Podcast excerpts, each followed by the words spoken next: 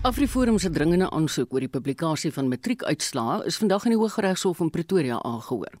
Die Hof het die burgerregte organisasie gelyk gegee en vir meer oor hierdie beslissing praat ons nou met die bestuurder van onderwysregte by Afriforum, Natasha Venter. Hallo Natasha. Goeiemiddag en goeiemiddag aan al die luisteraars. Hoe voel julle ouens na hierdie uitspraak? Ons is verheug oor die uitspraak uit die aard van die saak en ons is ook bly dat die matrikulante nou uh, hulle uitslae in die koerante sal kan sien as ook toekomstige matrikulante en ons hoop um, dat hulle dit nou na behore kan vier donderdag. Ek het gehoor vanoggend Sanef het ook hulle blydskap uitgespreek want jy weet ek dink koerante het lankal al beplan. Dis die matriekuitslagdag en daarom het hulle ekstra papier en allerlei dinge onderneem. En um, Dis my snaaks die departement van basiese onderwys het nie hulle aansoek teengestaan nie. Het hulle redes aangevoer? Ja, ek dink dit ding, die koerante um, het uh, al beplan vir hierdie uh, want dit gebeur elke jaar dat mm. hulle die die uitslae publiseer. En nou kom die departement op 10 Januarie 10 dae voor dat die uitslae bekend gemaak gaan word en sonder om met enigiemand te konsulteer sê hulle net hulle gaan nou nie meer um, die punte beskikbaar of die uitslae beskikbaar stel aan nuusplatforms nie. En dit is ook een van die redes hoekom um, ons mede-applikant Marula Media hierdie um, of hierdie besluit teengestaan het.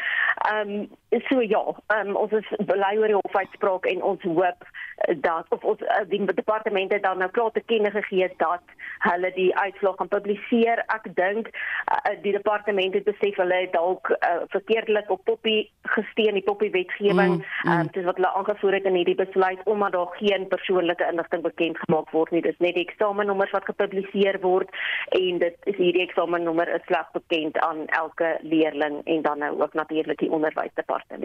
Jy praat nou van Poppy. Ek wil spesifiek by jou weet, wat het die hof gesê op die wet op uh, beskerming van persoonlike inligting?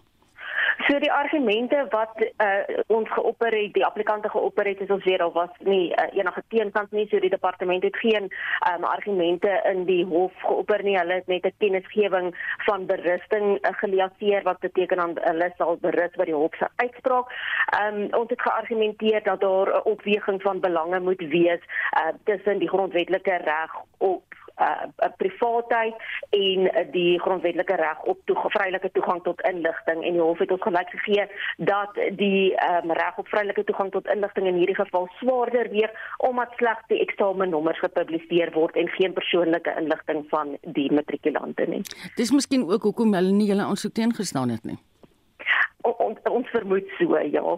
Maar ek is baie bly vir julle. Dankie. Dit was die bestuurder van onderwysregte by Afriforum, Natasha Venter. En ons bly by dieselfde onderwerp want ek dink dit slaan nou nogals wyd en raak 'n paar mense. En ons praat nou met die uitvoerende direkteur van die onderwysvakbond, Naptosa, Basil Manuel. Goeiemôre Basil.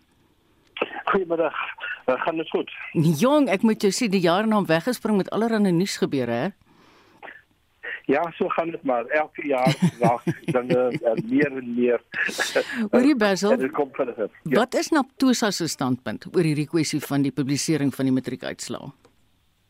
Ons ons ons het seker twee uh dinge wat ons na kyk. Eerstens is verwelkom ons die uitspraak. Uh maar ons kyk ook daarna dat dit uh die hofuitspraak uh onderstreep eintlik dat ons almal aanpas by wat die poppy uh eise is of papaya eise is. Want ons almal is nog besig daarmee. Ek dink die departement het dit nie teengestaan nie omdat hulle self uh ook uh, uh nie ondervinding het hiermee nie.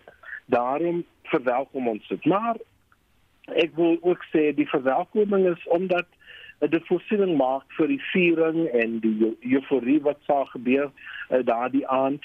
En natuurlik is daar baie skoolleerders wat nie naby hulle skole woon nie. Hmm. Daarom kan hulle ook nou daardie uh, gepubliseerde uh uh uitslae sien. Maar maar ek wil ook sê Ehm um, daar is daar 'n uh, hele klompie mense wat verneder gaan word ook en wat uh, seker seker trome uh gaan gaan kry omdat hulle nou nie sal slaag nie hmm. en hulle sal ook daar wees uh, in hierdie groep mense. En uh ons moet kyk daarna dat hulle ook nou uh, beter gehanteer moet word. Ja. Uh weet dat ehm um, daar ontwrigting sou gewees het op die skole as hierdie uh resultate nou daar uitgekom het want onthou tog dat die skole nou al klaar heropen het. Ja. En as jy nou 'n paar honderd kinders weer op skool kry wat nou jou leid wil wil voer en so voort, sou dit vir ontwrigting veroorsaak het. So ek is nie ehm um, ek, ek ons verwelkom dit, maar ons kyk ook na daardie goed wat miskien ehm um, sekere mense nie heeltemal gelukkig sal laat voel nie. Basil, het jy in enige stadium gedink daar is verskuilde redes hoekom die departement van onderwys nie die uitslae in die media bekend wou maak nie? Nee. Uh, ek het nou nie gedink aan verskeie redes nie. Ek het uh, maar aangeneem dat seker maar uh, Poppy want ons almal is besig om ons koppe om die hele Poppy storie te uh, te te, te draai. Mm. En uh, daarom het ek gedink dis nou die enigste uh, storie daarom het hulle dit seker nie teëgestaan nie. Die uh, die probleem was ook die laat besluit om die besluit hier uh, in die eerste week van Januarie eers te neem. Het seker vir baie mense ongelukkig gemaak, veral uh, in die media. Ja. Ja. Baie dankie. Dit was die uitvoerende direkteur van die onderwysvakbond Naptosa, Basil Manuel. Die Raad vir Gehalteversekering en Algemene Onderwys en Opleiding, Umalusi, sê net minder as 900 000 matrikulante het die eindeksamen geskryf. Die uitvoerende hoof van Umalusi, Dr Mafu Rakometsi, het vanoggend tydens 'n media-inligtingsessie gesê die matrieks van 2021 het swaar gekry weens die COVID-19 pandemie. The class of 2021 was subjected to the realities of COVID-19 pandemic for two consecutive years. This entailed, amongst others, hybrid modes of teaching and learning, such as online and rotational classes. In 2021, the Department of Basic Education registered approximately 733,917 full-time and 162,793 part-time candidates with a total of approximately 896,710 candidates for the 2021 National Senior Certificate Examination. Rakumetsi sê hulle is tevrede met die gehalte van en die nasien van die matriekvraestelle. Umalusi moderators drew a sample of learner script to verify the quality of marking in various subjects. Umalusi attended online marking guideline meetings whose purpose is to standardize and approve the marking guidelines for various subjects. Therefore, Umalusi is satisfied with a notable improvement in the quality of question papers submitted across different assessment bodies. To ensure consistency, we have met with all assessment bodies in the past few days and pointed out to them the need to address some areas of non-compliance which require their undivided attention going forward. Hy het ook die geleentheid gebruik om mites rondom die 30% slaagsyfer reg te stel. Umalusi's position is that in line with international practice, there are three levels of passes, namely bachelor pass, the diploma pass, and the higher certificate pass. Each level requires a specific combination of marks per subject. None of these levels require learners to pass all their subjects with 30%. In fact, if learners were to obtain 30% of all subjects, they would fail. In those pass levels where 30% is the minimum pass mark for some of the subject, it is precisely that, a minimum, a minimum. Pass rates at these levels are as old as the matric certificate itself. With the old senior certificate, which used to have a higher grade pass at 40%, a standard grade pass at 33 and one third, and a lower grade pass at 25%. Dr. Mafura Kometsi, die uitvoerende hoof van die Raad vir Gehalteversekering in Algemeen Onderwys en Opleiding, Umalusi. Ek is Justin Kennerly vir SI Garnis. Jy luister na Spectrum en dis op Nerf na kwart oor 12. Twee groot stories vandag. Die ene is die publisering van die matriekuitslae en die ander een is die geweldige reën en oorstromings. En nou kom ons einste daarby. Verskeie ondernemings langs die Vaalrivier ontruim reeds sedert vanoggend hulle sakepersele in aanloop tot moontlike oorstromings. Die eienaar van 'n karavaanpark, Harry Nieuwoud, het met SAK gepraat. Hy sê dit gister minstens 30 karavane van die eiendom af verwyder. Ons is besig vanoggend om die laaste 2 uit te vat vir veiligheid en ons gaan die karavaanpark sluit dat niemand hier kan inkom nie. Dit is maar net waar ons veiligheidsprosedure bekom om dit te doen. Hy sê hulle is dankbaar vir almal wat 'n helpende hand verleen. Die mense hier van Bloemhof was baie behulpsaam, baie mense het hulle werk kom aanbied en ons is baie dankbaar daarvoor en daar is nog mense wat moet uittrek hier en ons sê vir die mense van Bloemhof en die omgewing, ons het mense van Vryburg af gekry wat ook kom help het. Ons sê vir hulle ook baie dankie. Die departement van water en sanitasie het aan Spectrum bevestig dat 'n vyfde sluis by die Valdam vandag oopgemaak word, iets wat sakeondernemings soos die bekommer. Hulle nou nog oopmaak, ek het gehoor hulle gaan na 1200 toe oopmaak en dan later miskien na 1400 toe. En hoe meer hulle oopmaak, hoe meer gevaarliker raak dit vir die eienaars hier. So ons hoop maar dat hy nie hoor as dit gaan nie, maar ja, ons moet aanvaar wat gebeur. Dit was Harry Nieuwoud, die eienaar van 'n karavaanpark langs die Vaalrivier. Marlene Forsie is hy konnies. Hierdie selfe swaar reënneerslae van die afgelope paar dae het chaos in sekere dele van die Vrystaat veroorsaak. Baie wat oorstroom het, moes gesluit word. Twee kinders van 4 en 8 jaar oud het in die vloedwater by Bronwil naby Welkom verdrink. Estie de Klerk doen verslag. Die Buthelezi familie in Matlakeng in Kwakwa sê hulle woon reeds sedert die 1980s in 'n huis wat van modder gemaak is. Hulle meubels moes reeds verskeie kere vervang word na swaar reën in die gebied. Hulle sê hulle moes reeds hulle huis 3 keer herbou. Die 38-jarige Toppie Buthelezi sê haar 66-jarige ma wag reeds lank op 'n HOP huis. Every time it rains, the house is flooded. The yard is also flooded. The house collapses and we have to move the furniture. Die woordvoerder van die Vrystaatse Departement van Onderwys, Howard Ndaba, sê onderrig in Kwakwa is tydelik opgeskort. We have come to a painstaking decision to suspend classes only for today. We are aware that we have already lost a lot of time due to COVID. But this is a decision that we have to take to protect our life of our teachers, our learners, and non teaching staff. We urge them to be extra cautious in order to stay at home to avoid a situation where they drown. Marcus Butler van die Vrystaatse rampbestuurspan sê hulle monitor die situasie. The teams are out there in the field doing assessment, and but you know it's very difficult due to the fact there's ongoing rain. We cannot do proper assessments on the extent of the damages, but we are, are well aware of the damages that occurred within formal and informal settlements within the Free State province, especially in the Kwakwa area. So we are still assessing. We're working in tandem with the local structures, the district structures, the provincial structures, and the national structures to coordinate the efforts in terms of mitigating the current flood situation within our province. Meer reën is vir sommige dele van Kakwa voorspel vir die volgende paar dae. Die verslag is saamgestel deur Cornelio Lecafola en ek is Estie de Klerk vir SAK nuus. Die woordvoerder van die departement van water en sanitasie, Sputnik Ratau, het aan Marlenae gesê hoewel dit oor groot dele van die land reën, het die Vaal en Oranje riviere se opvangsgebied verreweg die meeste reën ontvang. Hy het ten tye van die onderhoud gesê 'n vyfde sluis sal teen vanmiddag by die Vaaldam oopgemaak word. We are continuing to see a huge activity in the river itself, flowing towards Bloemhof as well as the Val Barrage.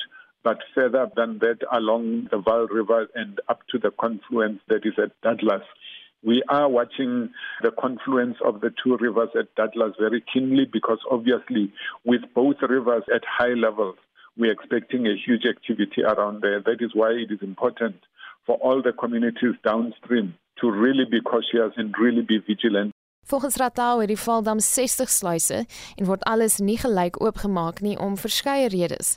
In die eerste plek is dit 'n manier om die damvlak te bestuur. It also is dependent on what level the dam is at as well as what amount of inflows we are receiving as well as what the outflows look like.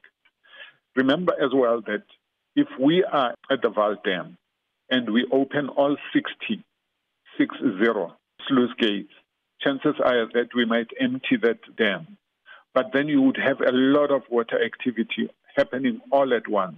We don't know what kind of impact it would have on the infrastructure. Would the dam wall be able to sustain such activity all at once? Ander elemente wat oorweeg word is riviervlakke wanneer sluise oopgemaak word en die impak daarvan op damme verder af in die ketting soos die Bloemhofdam. It is a question of also protecting the infrastructure, managing the flows within the rivers as well as ensuring that we protect lives and livelihoods. Die water wat uit die Valdam vrygestel word, eindig uiteindelik in Namibië op. Ten tye van die onderhoud was die jongste syfers oor nasionale damvlakke nog nie gepubliseer nie, maar algemene damvlakke was verlede week tussen 89 en 92%. Dis egter nie oral die geval nie. We do have pockets of concern. The Eastern Cape is one such. Even though there were floods in the past week, they have not really assisted with levels in the systems. Remember, it is always important that the systems themselves have got sufficient water, and that can only happen if we have enough rainfall in the catchments. So we still see the Algoa water supply system that feeds in the areas of uh, East London and others. Uh, still in a, in a very difficult situation. The Amatole water supply system that feeds your the Kabeja, uh, Eitenach and other areas has begun to recharge. We are seeing an improvement there, so we can take heart from that. But the Eastern Cape is still one province where we still have some issues. Limpopo is also another where we have pockets of areas where we may not have sufficient water. In others, we do have sufficient water, but it is a question of the reticulation that is not good enough to be able to carry that water to the end user. Dit was die woordvoerder vir die departement van water en sanitasie Sputnik Ratau. Marlene Forsie SAK nuus. Die polisie se honde en soek- en reddingseenhede van Pietermaritzburg en Ladysmith het 35 mense gister gered wat vasgekeer is weens oorstromings in Ladysmith se middedorp. Die laardele van Ladysmith het oorstroom nadat die Kliprivierdam Sondag aand oorgeloop het. Weer Estie. Na wat berig word, het die polisie se reddingsspanne rubberbote gebruik om mense te ontruim. Lady Smith en verskeie ander gebiede in KwaZulu-Natal het sedert die middel van Desember swaar reën neerslag gehad. Die woordvoerder van die departement van samewerkende regering en tradisionele sake in KwaZulu-Natal, Senzo Mzila, sê dele van Lady Smith is oorstroom en sowat 70 huishoudings is gevra om hulle wonings te ontruim. Also, there are a number of areas as well, like in Singa, where people have been asked to evacuate as well. And also, there's another area called Mandeni, where people have been asked to evacuate because the Utsuela River is has burst its banks, and the towns that are situated along its banks or along it have been um, advised to evacuate by Delta Management Teams. Niemand is in die oorstromings dood nie, maar verskeie mense is sedert Desember weens die voortdurende reën dood, sê Mzila. Across the province, we have been experiencing inclement weather conditions for the past two months since December, and we can report that we've had 25 fatalities as a result of these inclement weather conditions. Die mense wat gered is en hulle huise ontruim het, is na tydelike skuilings in die sportsentrum in Ladysmith verskuif. Die departement en nie regeringsorganisasies voorsien mediese hulp en kos aan inwoners. Ek is Estie de Klerk vir SAK nuus. Nou menige boere in Suid-Afrika juig oor die baie reën wat val, maar soos ons gister ook gehoor het, te veel reën is 'n probleem. Vir sy insig hieroor praat ons met die hoof van bemarking, Nampo en navorsingskoördinering by Graan SA, Dr Dirk Strydom. Goeiemôre dokter. Goeiemôre, goeiemôre aan die luisteraars. Hoe vergelyk die reënval wat ons tot dusver in die binneland gekry het met vorige jare? Ek kan vaar as natter. Ja, dit is dit is uitermate nat en dit is so uiteenlopend. Mense kan nie dink dat ons uh, onlangs nog gepraat het van droogtes en nou praat ons van te veel te veel water wat dit soms laat klink dat mens laat mense ondankbaar is, maar dis dis dis regtig nie die geval nie. Ehm um, as mens net na die Desember syfers gaan kyk, dan sou areas wat die meeste reën in 115 jaar gekry het hmm. vir 'n Desember maand. Ehm um, as jy met van die produsente gesels, dan het hulle alreeds die die hulle hulle langtermyn gemiddeld alreeds ontvang wat hulle vir 'n hele seisoen ontvang. So so definitief daar is uitermate syfers van reën um, en definitief het, het dit 'n impak op op op die op die produsente. Nou hoe baie reën is te veel reën as dit by gewasse kom? Ja, dis 'n dis 'n baie moeilike beginsel in term van net van wanneer is dit te veel en wanneer nie. Jy kry verskillende fases. Dit hang af van watter watter gebied dit is, dit hang af van die topografie, dit hang af van watter tipe gronde dit is. Maar maar die die die die verskillende fases wat ons nou gesien het die afgelope tyd is is letterlik waar waar gewasse te nat is wat outomaties die groeipotensiaal van die plant beïnvloed waar die plant nie genoeg suurstof kry nie waar hy letterlik in die water staan en versuip en dan het ons weer in plekke waar die hele land basies weggespoel is waar daar niks opkom nie waar daar glad niks kan opkom op daai stadium. En dit wat wel opkom glad geen potensiaal is waar die gewas waar die waar die uitkoms basies in nul oes is nie. So mm. dit is verskillende fases ehm um, van van verskillende tipe van van van impakte. Dan is daar gewasse wat wat wat waterskade het, maar as dit nou as dit nou son kry en genoeg hitte eenhede kry, is daar 'n mate van herstel. So mm. dis wat dit moeilik maak om regtig te bepaal wat die die die die die pinpoint nommer syfer ja. is op die stadium maar dat daar wel skade is is daar definitief groot skade in baie van die areas en veral individuele produsente wat sy hele oes verloor het. So. Dirk, hoe bepaal 'n boer dat sy gewasse in gevaar is en wat kan hy dan doen? Ja, ek dink die een is ons ons produsente is van die kundige van die van die mees kundigste produsente in die wêreld en en en dit gaan bloot op observasie, dit gaan bloot om te kyk hoe jou gewasse lyk om saam met jou saam met jou landboukundiges te werk en en seker te maak in terme van dit. Die die daar's verskillende goed wat 'n ou kan doen en dis dis afhangende van kan jy in jou lande inkom of kan jy nie inkom nie. Mm. So so baie van die produsente skoffel hulle lande om weer oop te maak sodat die lande kan die grond kan suurstof kry en laat daar 'n bietjie verdamping kan plaasvind. Dis as 'n ou kan inkom, ehm um, as die gewasse so is, kan jy nog wat jy in jou lande kan kom, kan jy ekstra stikstof insit om die gewasse te help met ja. ekstra voedingsstowwe en die tipe van goed, maar die uitdaging is is jy moet binne in die lande kan inkom om dit te doen en die die groot uitdaging tans ook is is as mens gaan kyk na na ons ons kunsmisvlakke en die pryse van kunsmis ons insette is deur die dak en sekere van die insetkomponente het jaar op jaar met meer as 200% gestyg. So Ek moet met jou saamstem. Ons mm. wat op nie bring Ehm um, as jy van spuitvliegtye gebruik maak, is dit nou om spuitvliegtye aan die hande te kry. Almal is besig met dit. So so dit het 'n 'n groot stel uitdagings wat dit bring vir die produsente. En dit is nou as jy in die geleentheid is om iets te kan doen. Ja. Ehm um, en dit is dis so seker van die produsente is nie altyd in die geleentheid om iets te kan doen nie. Um, van die produsente het selfs oorgeplant ook yes. om om om daar waar hy nog ten minste die, die kunsmis en goed in die grond het om weer saad in te sit, ja. maar dit was ook nie altyd die die moontlikheid. Ja, jy sal waarskynlik die opmerking van gister van Franswa Wilken van die Vrystaat Landbou waardeer. Ek het hom gevra, kan hulle ingaan hulle lande toe sê ja, jy kan ingaan, maar jy gaan nie weer uitkom nie. Baie dankie. Dit was Dr Dirk Strydom. Dirk is die hoof van bemarking Nampo en navorsingskoördinering by Graan SA. En nou 'n storie van heeltemal 'n ander aard. Die Life Esidimeni geregtelike doodsondersoek het vandag in Pretoria hervat met nog getuienis deur die voormalige adjunkdirekteur-generaal vir geestesgesondheid in Gauteng, Hanna Jacobs. Sy het gister getuig dat verskeie nie-regeringsorganisasies waarheen pasiënte verskuif is, nie genoeg beddens of bedde goed gehad het nie. Sy het vandag getuig oor die departement se besoeke aan van hierdie geriewe in die aanloop tot die verskuiwing van pasiënte. Marlene Forsie hou die storie vir ons dop.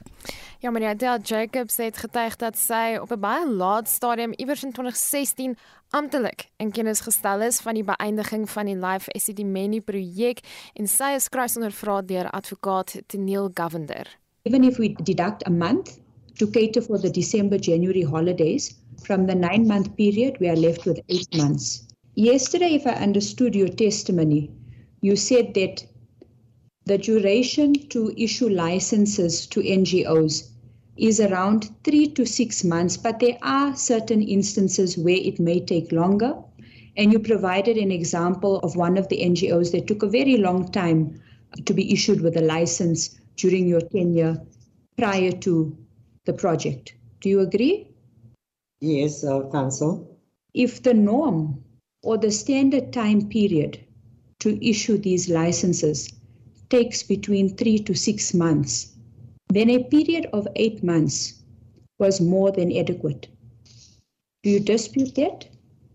Yes, I dispute that, Council, because in terms of identification, as I've said, it depends what is at hand and what the findings are.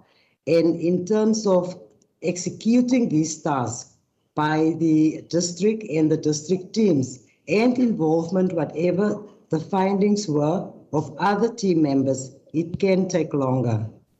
Dan volgens Jacobs moes die hoof van geestesgesondheid Dr. Makgabo Manamela reeds baie vroeër aandui dat Life SD mediese dienste opgeskort word en die lig hiervan het sy erken dat sy nie haar rol na wense uitgevoer het nie. The instruction that was given that I need to do the visits and oversee the readiness of NGOs I've communicated this to Dr. Manamela whilst we were in a meeting, and then she says it was unusual circumstances, and because of time, we need to escalate the process. I need to start with immediate effect and uh, finalize the process. Jacobs het verder getuig dat daar in die tydperk tussen Januarie 2016 en Junie van dieselfde jaar toe 'n besoek afgelê is aan hierdie ehm um, fasiliteit om die geskiktheid te bepaal, geen kommunikasie tussen Manamela en Jacobs was nie. I was supposed to give everything over to Mr. Tabane and he will then inform Dr. Manamela about our findings with immediate effect after each visit of all the uh, NGOs that we visited. if I understand you, from January to June 2016, are you saying that you had no communication with Dr. Manamela concerning available beds or at, at facilities or no communication with Dr. Manamela whatsoever? Yeah, no communication, Council. I only saw Dr. Manamela when we concluded the last visit of the NGO and we all went back to the office. in 'n office meeting. En toe is sy gepeper met vrae oor getuienis wat sy destyds gelewer het oor Life ACD Many in die ondersoek wat gelei is deur die voormalige adjunkhoofregter Dikgang Moseneke.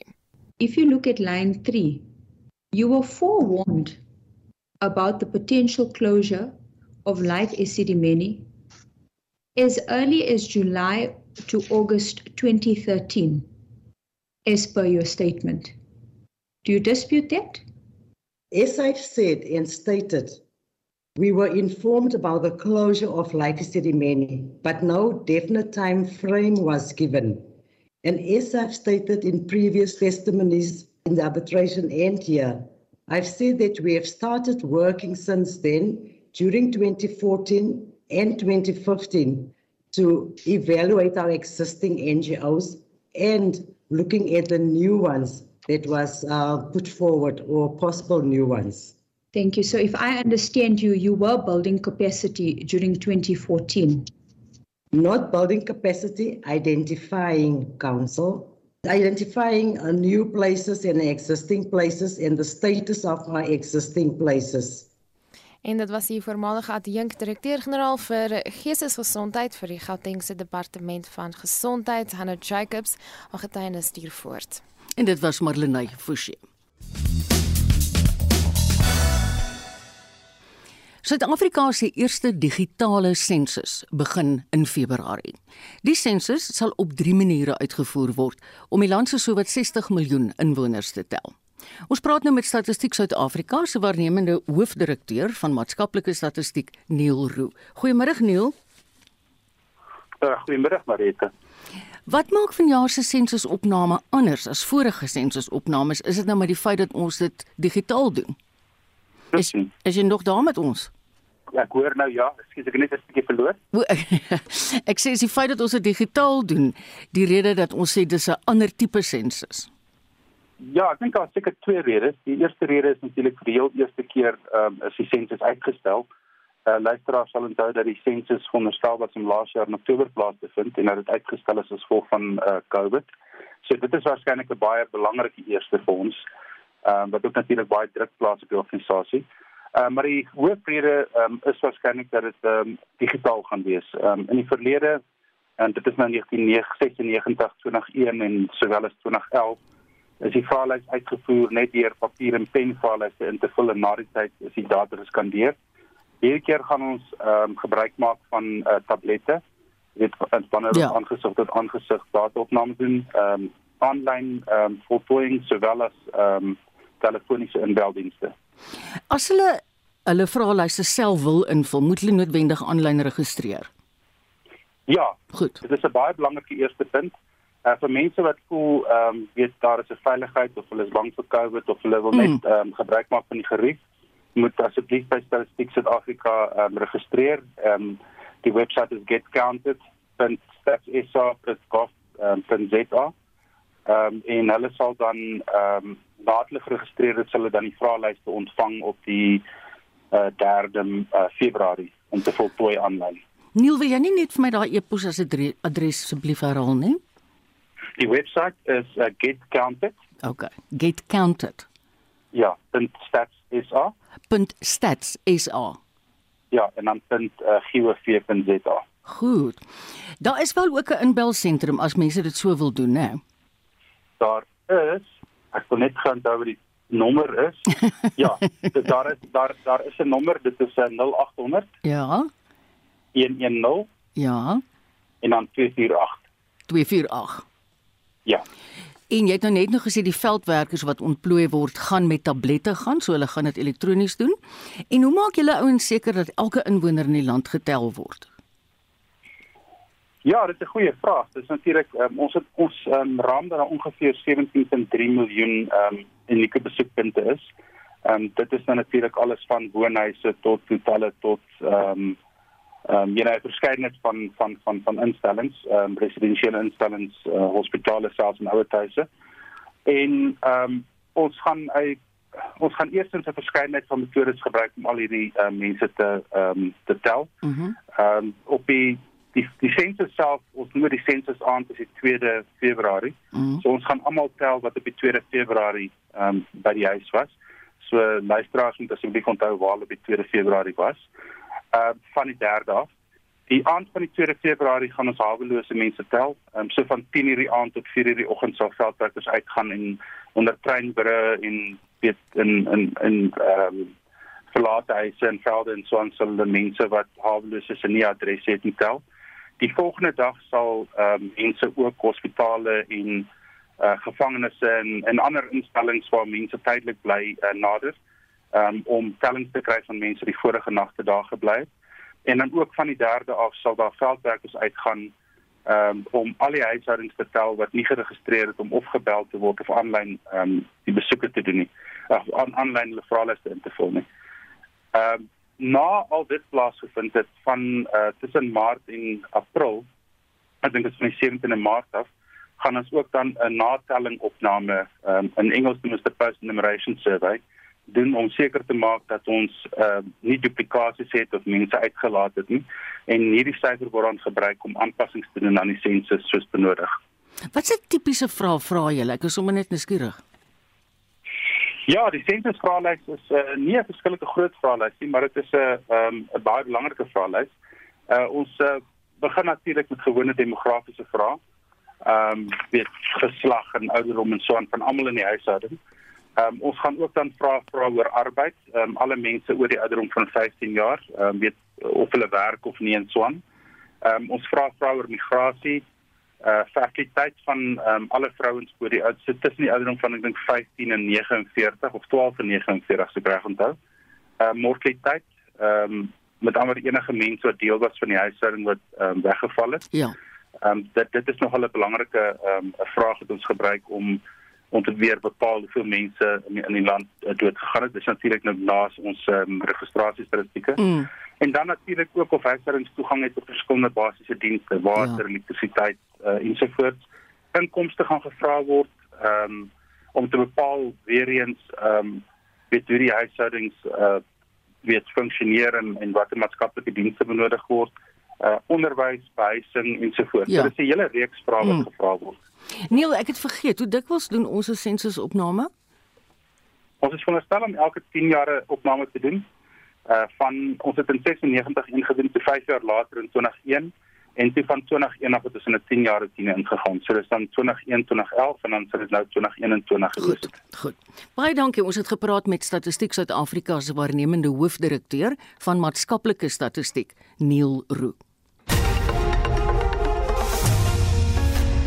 Hy kan skwart voor 1. Die DA gaan voort met sy stryd teen kaderontplooiing. Die party het waarnemende hoofregter Raymond Zondo gevra om aanklagte van myneet teen die president Cyril Ramaphosa te lê. Vir meer hieroor praat ons nou met die DA se skademinister vir die staatsdiens en administrasie, Dr Leon Schreiber. Hallo Leon. Middag Marieta en middag aan die luisteraars. Waarom hierdie spesifieke eis aan waarnemende regter Zondo? Ja, soos jy sê, dit is 'n uh, een stap in ons uh, voortgesette veldtog uh, rondom hierdie kwessie en uh, die die realiteit uh, dat die president uh, nie die waarheid vertel het voor regters onder het nou na vore gekom omdat ons die notules van die ANC se kaderontplooiingskomitee in die hande kon kry. So verlede jaar was ek saam met uh, DA leier John Steenhuisen by uh, die Sonderkommissie gewees in Johannesburg en uh, tydens sy getuienis daar het die president aanvanklik ontken dat die ANC enigsins uh, aanstellings in die regbank bespreek en later na 'n uh, pouse by die uh, uh, by die kommissie het hy teruggekom en gesê wel hulle het een keer gepraat van vakatures maar hulle het definitief nooit gepraat oor wie sal 'n goeie regter wees of wie aangestel behoort te word nie. Ons sien egter nou in die kader van Prins uh, Mutilis dat daar wel so 'n bespreking was en dat spesifieke name selfs gelys is van regters wat ontplooi moet word. Ek kan vaar julle het genoeg bewyse want julle moet seker wees van julle saak hier. Ja ja nee, dit is nou nie iets wat 'n mens net rondgooi nie. Ons het uh deur al die transkripsies gegaan van wat die president gesê het. Ons het uh sukses deur die notules gewerk en dis regtig uh swart op wit daar vir almal om te sien. Mm. Uh die bespreking in Maart het in Maart 2019 plaasgevind. Dis omtrent 'n jaar uh nadat uh, Ramaphosa president geword het. En soos ek sê, daar's uh name genoem van regters wat ontplooi moes word na die Grondwethof, die Appelhof, die Arbeidshof en die Hooggeregshof. So dis baie duidelik swart op wit en die feit dat die president uh by die sondekommissie net 'n bietjie later dan sê maar daar is nie so 'n praktyk nie dit is betant onwaar Ja, indien sonde se besluit om sulke klagtes aanhangig te maak, wat gebeur dan?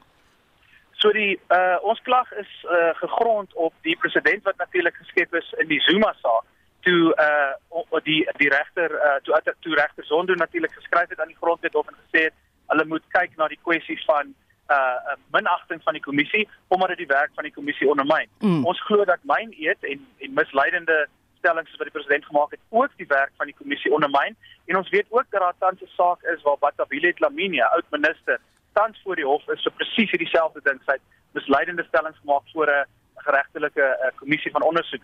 So uh, dit is natuurlik in die hande van die grondwet hof om die saak vorentoe te neem maar ons glo dat uh, om die integriteit van beide die kommissie maar ook die regstelsel as 'n geheel te beskerm, uh, behoort daar een standaard te wees waaraan president Ramaphosa ook moet voldoen.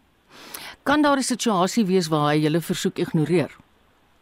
Wel, ons uh, ek meen die die die bewyse is daar dat tot dusver het uh, regter Zondo uh braaf opgetree en soos uh, sy optrede teen uh, president Zuma getuig was hy bereid om die belange van die kommissie eerste te sit. Mm. So ons uh ons vertrou dat hy in hierdie geval weer uh, uh daardie selfde benadering sal volg en ek ek wil dit nou nie vooruitloop deur te sê dat hy dit nie sal doen nie. Ons ons glo hy het ja. die brief ontvang en skenk aandag daaraan.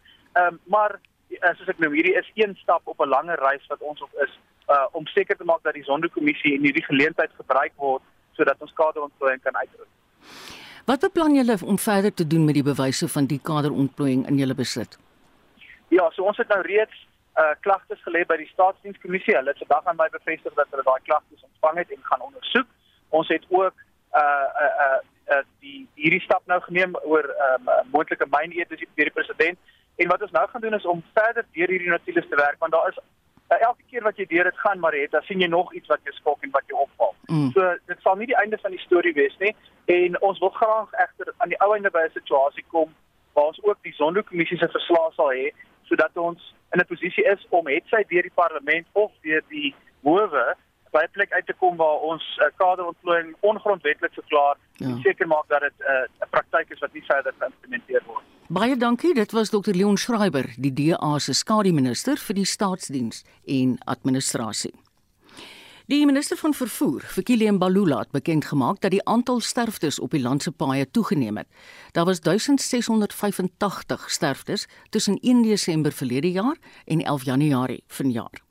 Om hierdie statistiek te ontleed, praat ons nou met die woordvoerder van die Automobielassosiasie, Luiten Beerd. Hallo Luiten, ek sien jy tot baie onlangs was jy nog besig met 'n televisieonderhoud.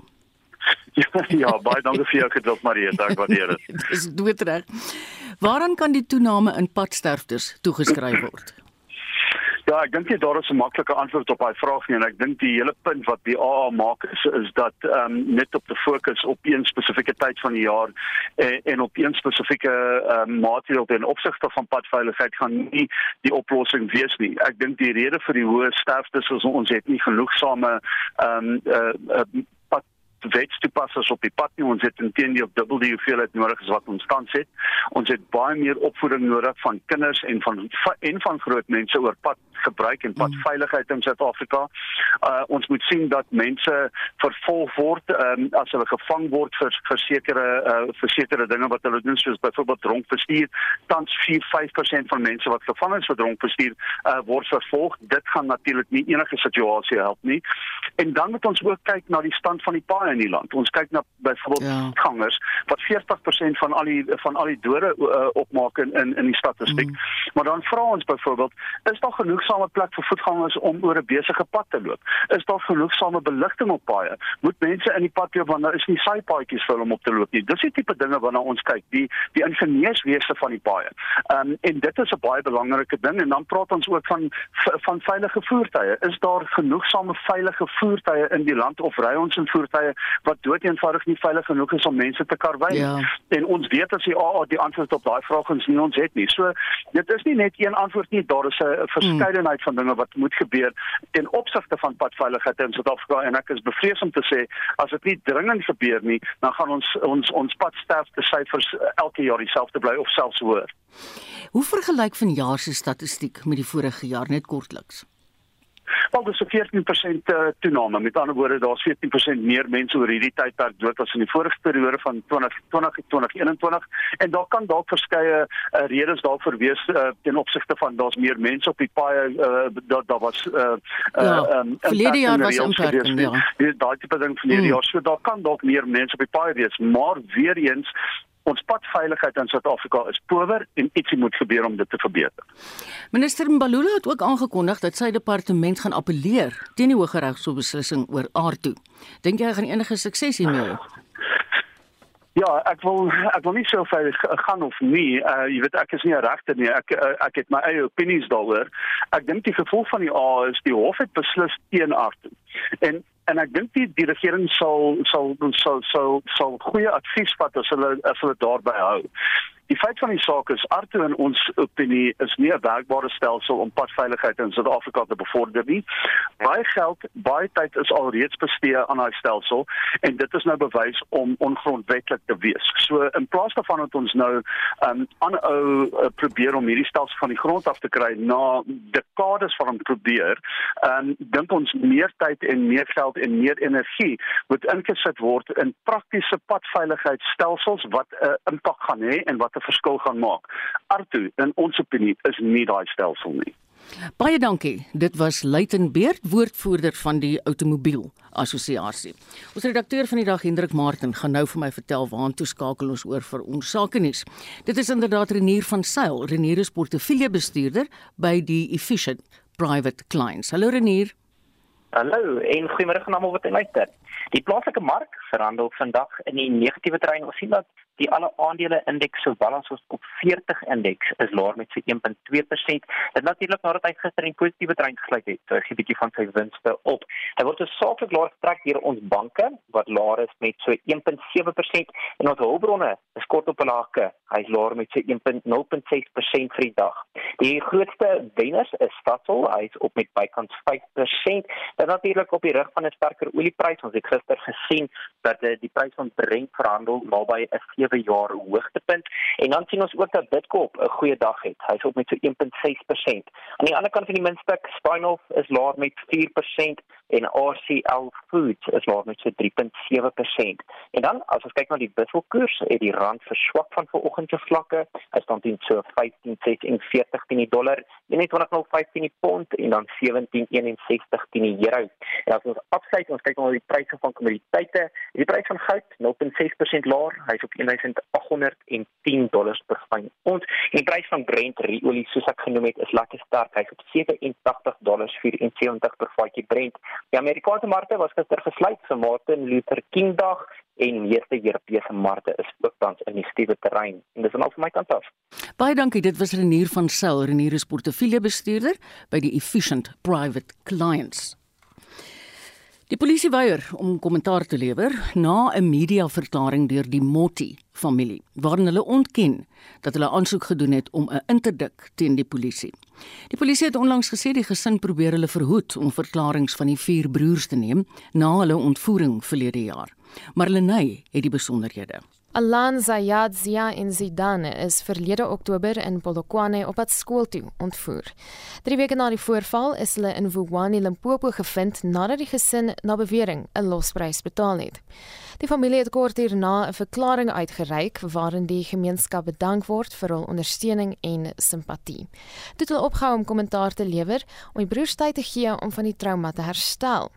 Die saak was egter verlede week weer in die media toe die polisie woordvoerder, kolonel Robert Nechunda, gesê die gesin weier dat die polisie verklaringe by die kinders kry. Hy het verder gesê die gesin het na Dubai verhuis en volgens 'n kriminoloog, professor Kolofelo Motibi, bemoeilik die beweerde regsbekgeveg tussen die polisie en die gesin die owerheid se vermoë om sy werk te doen.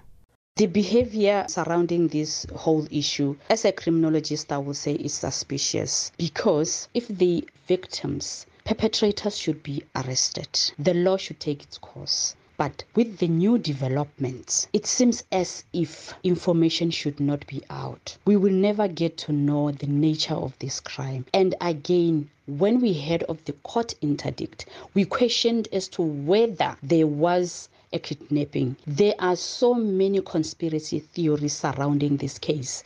Wat die sê verder, die is 'n komplekse saak. The police should do their job, but again, we don't know if and to what extent are they doing their job. If now there seems to be a wall built around this case, we don't know. That makes it difficult for police to do their job. And if indeed they are in Dubai, because they might not be in Dubai. As a criminologist, this might be a strategy to protect the children, because if indeed they were kidnapped, you wouldn't want a perpetrator to know or South Africa to know your whereabouts because you are likely to be a victim of a similar crime again. Dit was 'n kriminoloog, professor Kolofelo Motibi. Die ondersoek duur voort en die verslag deur Koketso Motau, Marlene Forsie, SAK nuus. Justin Kennedy som die dag se nuusgebeure vir ons op. Ja, ons kyk na die storie wat eh, net minder as 900 000 matrikulante raak. Die hof het vroeër beslis dat matriekuitslae wel op media platforms beskikbaar gemaak moet word. Die bestuurder van onderwysregte by AfriForum, Natasha Venter en Basil Manuel van die onderwysvakbond Naptosa, het so op die uitspraak gereageer. Ons is ook bly dat die matrikulante nou uh, hulle uitslae in die koerante sal kan sien as ook toekomstige matrikulante en ons hoop ehm um, dat hulle dit nou na behore kan vier donderdag.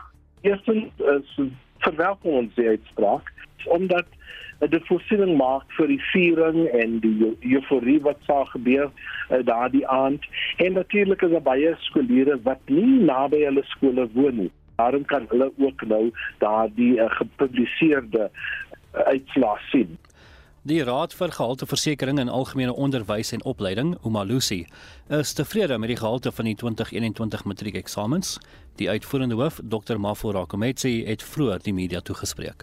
Umalusi moderators drew a sample of learner script to verify the quality of marking in various subjects.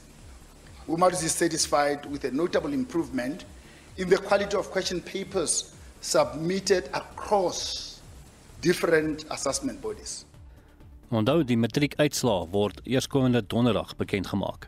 En swaar reën oor die binneland het tot oorstromings gelei in dele van die Vrystaat. Mense is na veiligheid geneem en sommige skole moes sluit.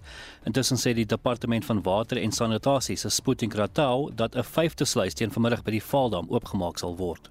We are watching the confluence of the two rivers at Douglas very keenly because obviously with both rivers at high levels we're expecting a huge activity around there. That is why it is important for all the communities downstream to really be cautious and really be vigilant.